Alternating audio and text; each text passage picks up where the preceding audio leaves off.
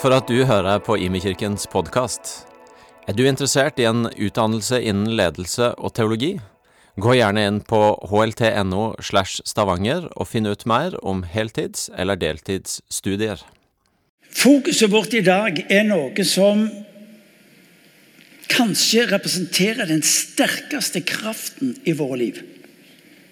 Kanskje det som styrer og som fyller sinnet vårt langt mer enn det vi er villige og ærlige nok til å innrømme. Når Jesus trer inn i denne verden, så har han en, han har en programerklæring, og det er at du skal ha liv og liv i overflod. Tenk deg det perspektivet at allmaktens Gud ser på deg og sier 'Jeg vil at du skal ha liv, og du skal ha liv i overflod'. Wow! Er det mulig? Er det mulig? Allmaktens Gud, han som en gang talte, og så skjedde det. Han som en gang bød, og så sto det der. Han sier, bøy seg ned til deg og sier, 'Hør, Martin. Mitt mål er at du skal overlate overflod, av liv.'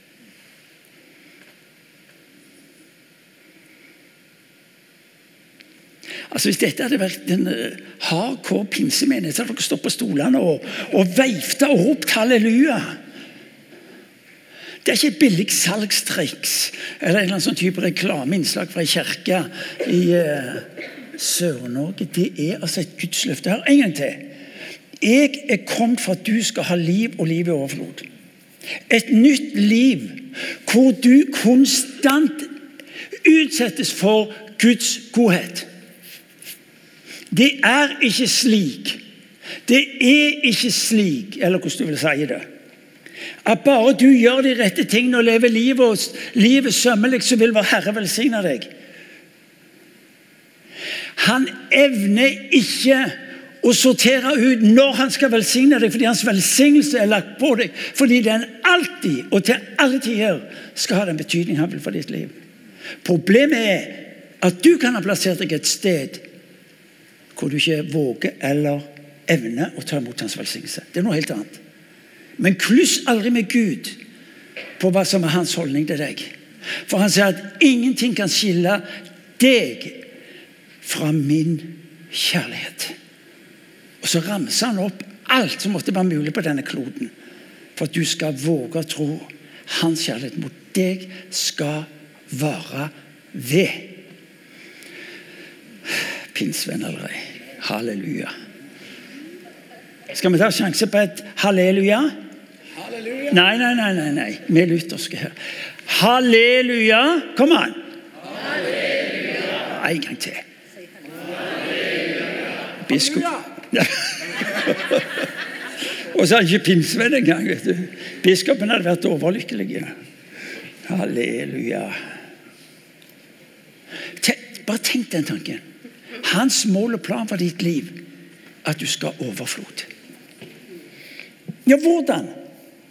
Og så er det som Gud tar oss inn i ved sitt ord.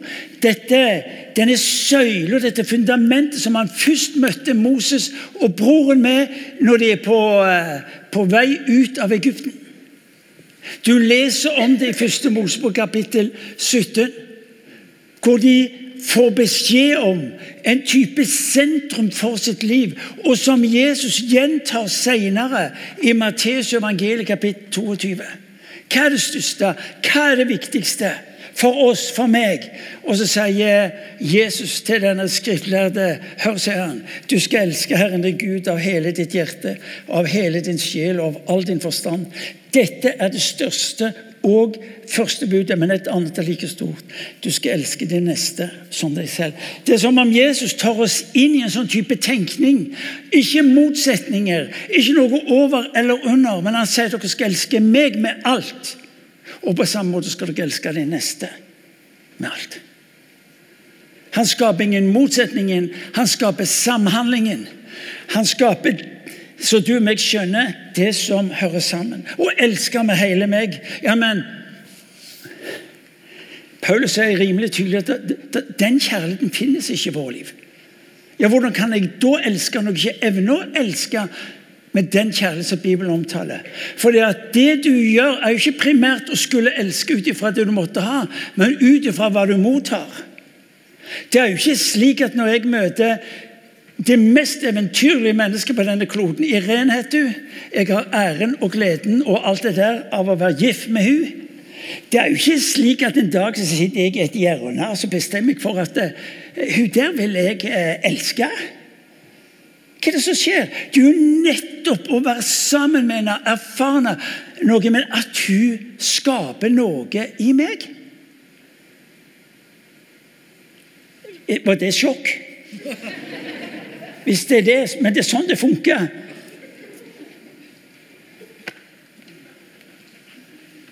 Når du og meg erfarer at Gud den allmektige stiger ned, blir værende for å ta din plass i dommen og i døden, for at du og meg ved hans liv og ved hans år skal altså få lov til å vite at himmelrikets kjærlighet er det som skal få ta bolig i ditt og mitt liv.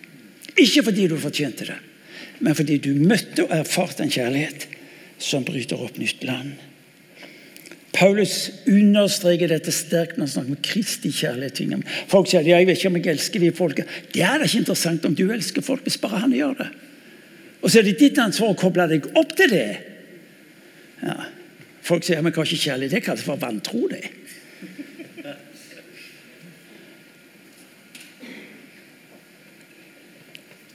Han har den kjærligheten som du må. Han har den kjærligheten som du skal få lov til å tilbakeelske han med.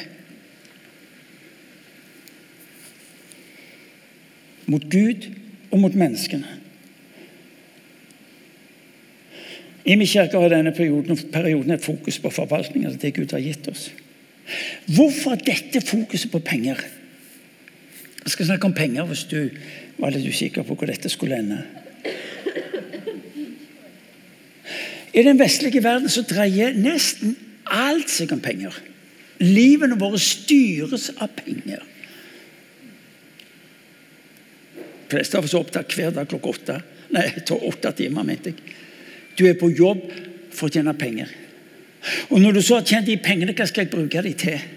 Og så velger vi en form for liv i forhold til disse pengene som gjør det går i hus og hytte og bil og ferier og hobbyer og you name it. Har jeg ikke penger, ja, så har jeg ikke de tingene. Har jeg penger, så vet jeg hvor jeg ender henne.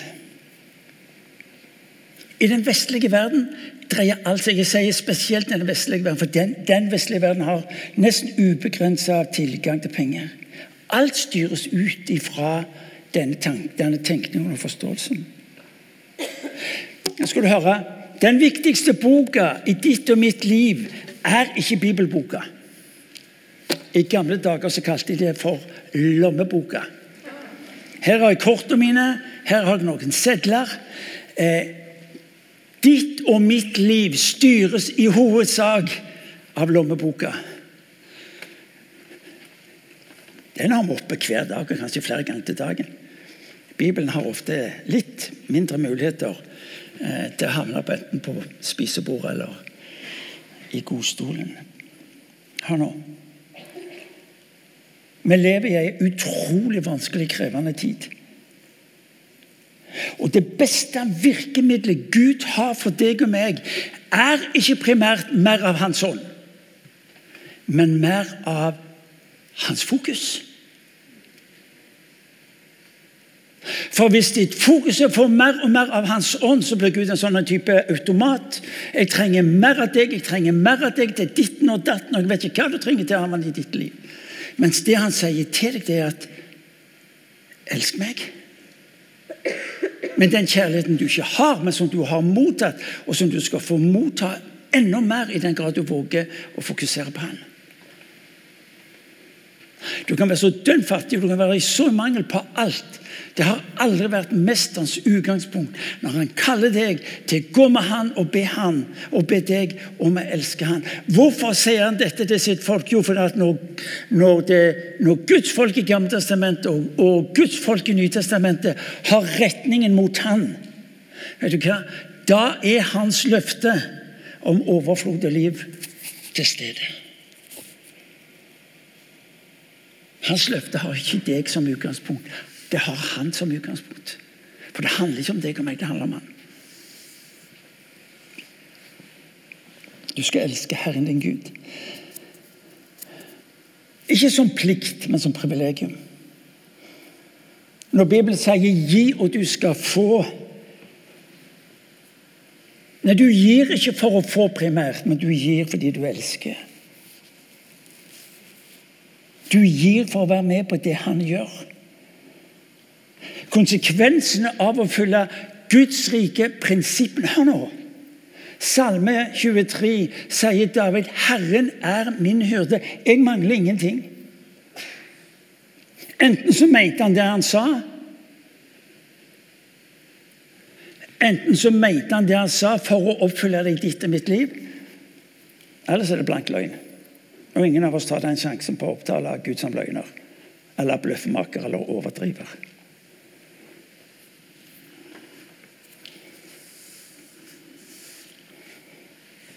Penger. Smak, man kunne si smak på det, men ikke smak på penger. Det.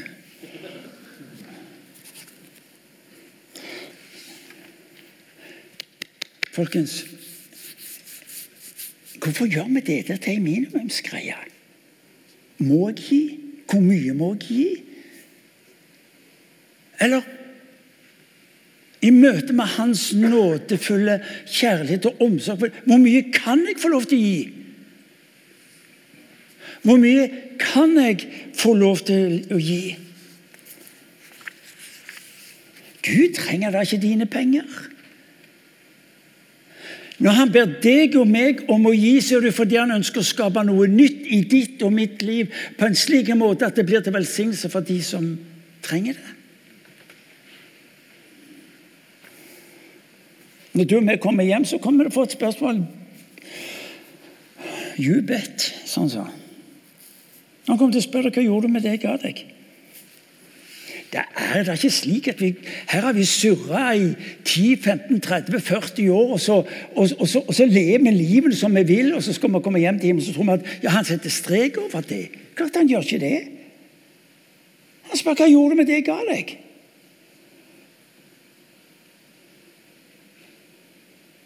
Oi, hvor kom den ifra? Hva gjorde du med det jeg ga deg? Jeg brukte det mesteparten på meg sjøl. Det er feil svar. Jeg brukte mesteparten på meg sjøl. Ja, det er feil svar.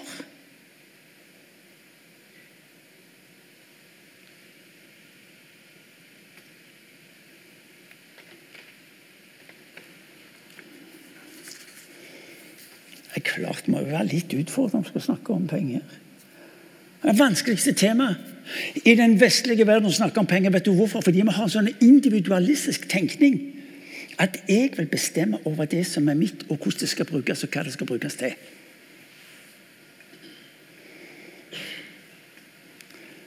Hva følelser sitter du med når du hører meg snakke? Hva tenker du når du hører meg snakke? Jeg holdt nesten den samme talen på G11. Nesten ingen så på meg da jeg kom ut i torget etterpå. Det er helt sant. Jeg tenkte hva, hva var det jeg sa for noe? Alle så andre veier. Ja, de Folk å være rause når jeg har forkynt og gitt tilbakemelding. Én sa at dette var veldig bra. Andre så andre veier. Litt overdrivelse. Ikke kona mi. Hør nå. Når du og meg berører tematikken av forvaltning, av tid, evner og penger, så ligger det en sånn type forståelse av selvbestemmelse. Er det slik hos oss? Er det slik at når når du sitter hjemme ved kjøkkenbordet med Jesus, og så snakker dere sammen, og så, så er det ikke slik at du foretar en sånn type fordeling om hva som tilhører han, og hva som tilhører deg. Gjør du det? Klart du gjør ikke det. Men det er godt mulig at i praksis er det det mange av oss gjør.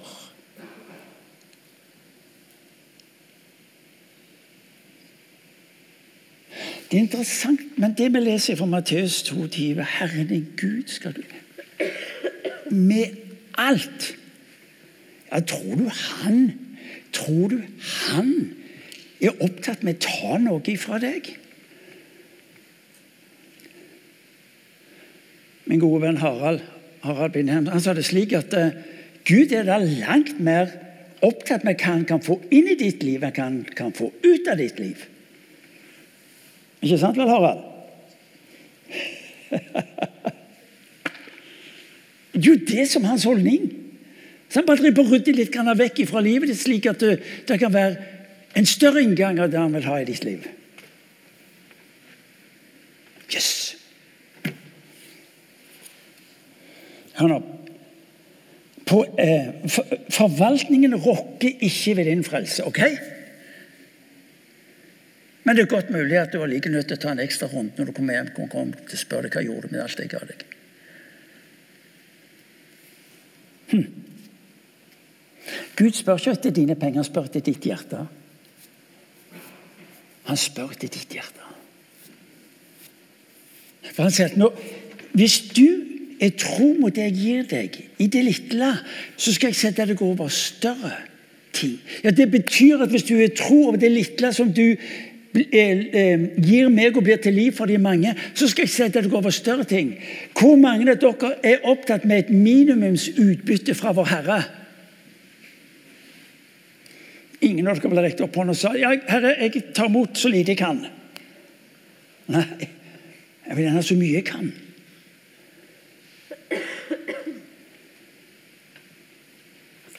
Fordi det har betydning for mennesker rundt meg.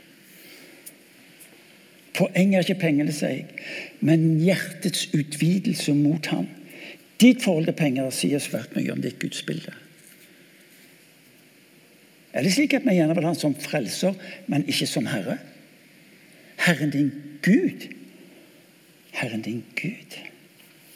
Du ser at Når du og meg våger å ta det han velsigner våre liv med, så flytter vi bokstavelig talt inn i hans raushet ved det han har gitt oss. For det, som det står i første krønikebok kapittel 29 David, nei, Salomo er begeistra fordi folk har gitt mye til tempelet, byggingen av tempelet. Og han, Det renner over. Folk er begeistra over alt de har gitt oss, sier David. Ja, ja. Det er veldig bra. Men sannheten er jo den at vi har jo fått alt dette her ifra deg. Herre. Så når du og meg våger å gi videre det Gud har velsigna våre liv Når du og meg våger å gi videre til andre, så er jo ikke det noe annet enn det Gud allerede har velsigna våre liv med. Vi gir tilbake. Alt kommer fra deg, sier Salmo. Alt kommer fra deg. Ikke for deg, men fra deg. Når du og meg skjønner hva Gud betror oss, og gir det tilbake, så er det en kjærlighetsgave. Jeg må fortelle fra Jæren og Martin Sandve. Er noen, er noen fra Jæren her? Ja, ikke Nord-Jæren, for dere er Stavanger, men Jæren. Skikkelig kålsvart. Jeg har sett det noen. Jeg eh, hørte han eh, før jeg var blitt kristelig, som de sa. Og jeg tenkte fyren må jo være gal. Han hadde en enorm betydning eh, da han reiste rundt som forkynner. Så forteller historien av Dag så sitter han på vedkassen i bedehuset på Varhaug. Jeg tror det var Varhaug. Vikerstad og Varhaug er jo nesten det samme. Og Så sier møkleren du må komme fram eh, og så må du eh, eh, ha kollekttalen. Så er det slik at Martin Sandve han hadde, han hadde klumpfot. Når han gikk, så var det sånn. Så kom han fram. Og Så snur han seg og så ser han på folk i salen og så sier han, har du fengt lite av han, så gir han lite tilbake. Men har du fengt mye av han, så gir han mye tilbake. Så kan det sette seg. Klar. Vi snakker om penger som uttrykk for kjærlighet som har erfart med ham. Det herliggjøres navn. Det representerer beskyttelse.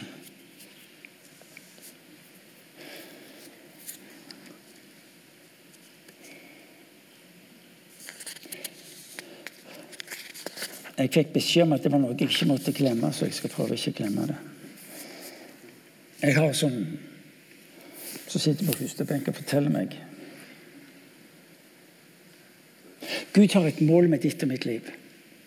Og det å fullføre som han hadde tenkt. Du er skapt med en hensikt. Ikke med en tilfelle. Uansett hva som er din historie og bakgrunn. Når velsignelsen lyder over ditt liv hver enda gudstjeneste lyder velsignelse fra dette huset, og det gjelder alle sider av ditt liv. Ikke bare det åndelige, men også det materielle, det relasjonsmessige, det sosiale. Jeg skal få lov til å vite at velsignelsen gjelder på alle plan. Vi har mange glade givere gi meg. Jeg er stolt over det engasjementet og den brann dere har for evangeliet. Nå har vi hatt denne giveraksjonen, eh, fastgiveraksjonen. Men den viser at vi har mye mer å gi. For å si det på godt norsk dere kan bli bedre. Hvis du syns det er vel frimodig, så kan jeg si det at eh, når Paulus skriver til menigheten i Tessalonikia, en mønstermenighet, og han sier ryktet om deres tro, om deres gjestfri og alt det gode dere representerer, ryktet om det har nådd ut over hele Lilleasia. Og så sier han på slutten av brevet men dere å gjøre fremgang. Dere å bli bedre. Vet du hva? Det gjelder deg og meg. Det er altså 50 nye givere, men økning på de som gir, er bare 49 stykker som er justert opp. Og De fleste av dere har altså siden sist hatt, eh, hatt lønnsøkninger, det har vært eh, lønnsoppgjør, og dere har sikkert fått et eller annet, et eller annet, et eller annet. Folkens, vi har mye mer å gå på. Hvorfor det? Fordi din historie forteller at du har blitt eh, betrodd en rikdom som er helt unik i denne verden. Ja, rikdom sett i forhold til hvor det er. Studenter har ikke like mye som mange millionærer, nødvendigvis. Men de har en rikdom ut ifra den settingen som de lever i akkurat nå. Ja, bruk den. Studenter er ikke fattige. Han utfordrer deg, enten du er student eller pensjonist eller midt i livet, til å spørre hva, Gud, hva kan jeg få lov til å gi inn i ditt rike, slik at denne verdens berøres. Imi kirke sin historie. Hør nå. Imi kirke får ikke fem øre fra den norske stat. Det er det folkekirka som får, og de såkalte andre kirkesamfunn. Imi kirke får ingenting. de. Fordi vi befinner oss i en såkalt mellomposisjon hvor vi er ikke et kirkesamfunn og blir regnet som en del av Den norske kirke. Vi begynte tidlig med å utfordre på fast givertjeneste. De som gikk i forsamling, de syntes dette var kult og var med. De som sto utenfor, lurte på hva vi holdt på med. Eh, men vi tenkte det var jo sånn vi måtte få inn penger. Men det interessante var at når vi da utfordra folk om å være med og gi vanskelige tider, ja, så responderte de. Så responderte de. Jeg husker en jul hvor jeg møtte så mye nød og så mye som var vanskelig. Og så og så sier jeg til dem at eh, parentesen her er vi har et ønske som lederskap i denne menigheten å være transparente og ærlige på våre liv. Men jeg husker at jeg sendte et brev til en åtte-ni stykker i menigheten. Jeg har møtt en nød i huset vårt, rett forbi huset vårt, som er fryktelig. Vi kan ikke leve med at vi skal feire jul, og så sitter folk der i sin fattigdom, og vi går rett forbi uten å bry oss. Så jeg utfordra dem, så sa jeg jeg utfordrer dere til å gi 10 000 kroner til jul, slik at vi kan bety en forskjell i disse folka. Og så sa jeg jeg betaler de første 10 000. Alle sa ja. Takk for at du spurte meg. Takk for at du dro meg inn i det. Takk for at du hjalp meg til å se denne nøden.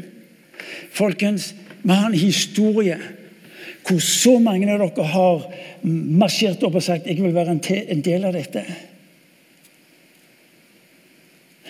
Problemet med denne kirka er at den vil så mye mer enn det den har penger til. Ser du problemet? Derfor er vi alltid på etterskudd. Men sånn er det jo med Guds rike. Guds rike er jo bevegelse. Og Vi kan ikke si det bare her nå det er på tide å ta pause til vi har Nei, Guds rike er troens rike. Ja, Vi må ta med denne òg. For en del år tilbake igjen så, så hadde vi virkelig Eh, økonomiske problemer. Virkelig økonomiske problemer. Det var et underskudd i august måned som var helt gyselig. Og så snakkes vi i styret, og så er det det. Ja, hva, hva gjør vi nå? Og så sier jeg jeg vet ikke. Vi kan ikke mase mer på medlemmene våre og be dem om å litt, gi litt til. Det blir sånn ah, De der brevene har aldri noen betydning. Og Så er det akkurat som Guds ord bare slår ned mellom oss. Så sier han nei. Istedenfor å be medlemmene om å få mer penger av de, skal dere heller få lov som menighet og lederskap til å begynne å gi ut penger. Ja, men Det er jo absolutt en omvendt og feilaktig strategi. Har du lite penger, så begynner du ikke å gi ut penger. Styret tok sats, gjorde et vedtak og sa vi skal fra neste søndag av gi ut penger, alle våre kollekter. Bortsett fra den ene takkegudstjenesten som er i november hvert år. Interessant er som årene går, så endres vår, vårt økonomiske løp. Eh, og vi erfarer hvordan Gud bare sørger for oss. Når du er i vanskelige tider, så hender det til tider at Gud sier til oss at eh, bare gi ut. En god venn av meg hadde vært igjennom en forferdelig vanskelig krise. voldsomt vanskelig krise. Samlivsbrudd og familie. og Alt var bare sorgens. Og så går hun til banken og så, og så, og så spør kan jeg få lov, lån til å kjøpe en leilighet. Og Så legger hun sammen alt hun har, og så, og så, eh, og så sier hun at eh, jeg, eh, jeg fikk det så vidt. Kundeveilederen sa til meg at, at ja, det er greit, skal, vi skal strekke oss langt slik at du skal få det. Når jeg kommer ut derfra, så tar hun kontakt med meg Martin, men jeg fortalte ikke at jeg også ga tiende til kirka. For hadde jeg sagt det, så hadde jeg aldri fått lånet. Der på bånn, hvor det skrapte bokstavelig til bånn, var det noe hun ikke ville miste. Jeg kan ikke miste det. Og så opplever hun bare hvordan Gud holder sin hånd over henne. I dag har vi fått lov til på til din orientering har vi et betydelig fond. Hvor menighetens folk, hvor dere har vært med på å gi inn, som skal være dette fondet som kan møte mennesker i disse mest håpløse kneikene i livet. Så vet de det er et sted hvor de kan få lov til kan, kan dere hjelpe meg, fordi at jeg trenger hjelp. Av mange, mange som har sendt brev og spurt om vi kan hjelpe dem.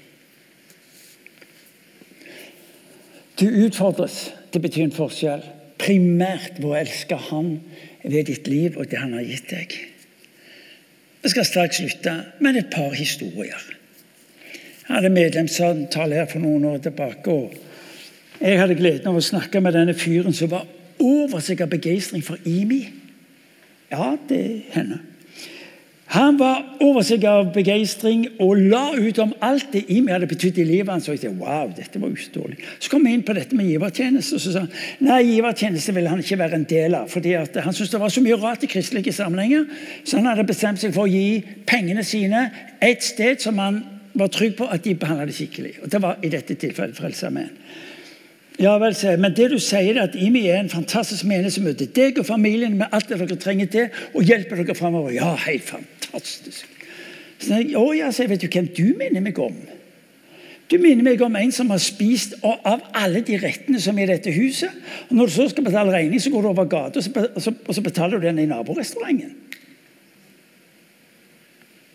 Så ser han på meg dette her sånn. Neste dag så kom han til meg. Du Martin, jeg skjønte hva du mener. Beklager. du. Det ble jo helt feil. Ja, det er klart det ble jo helt feil. Det ble jo helt feil. Vi ber om at Gud skal velsigne oss. La oss være et folk som ærer Hans navn. Ved at, som Bibelen sier, la oss gå til Hans hus med det Han har velsignet våre liv med, slik at vi kan bety denne forskjellen. Skal vi reise oss så skal vi få lov til å be en bønn.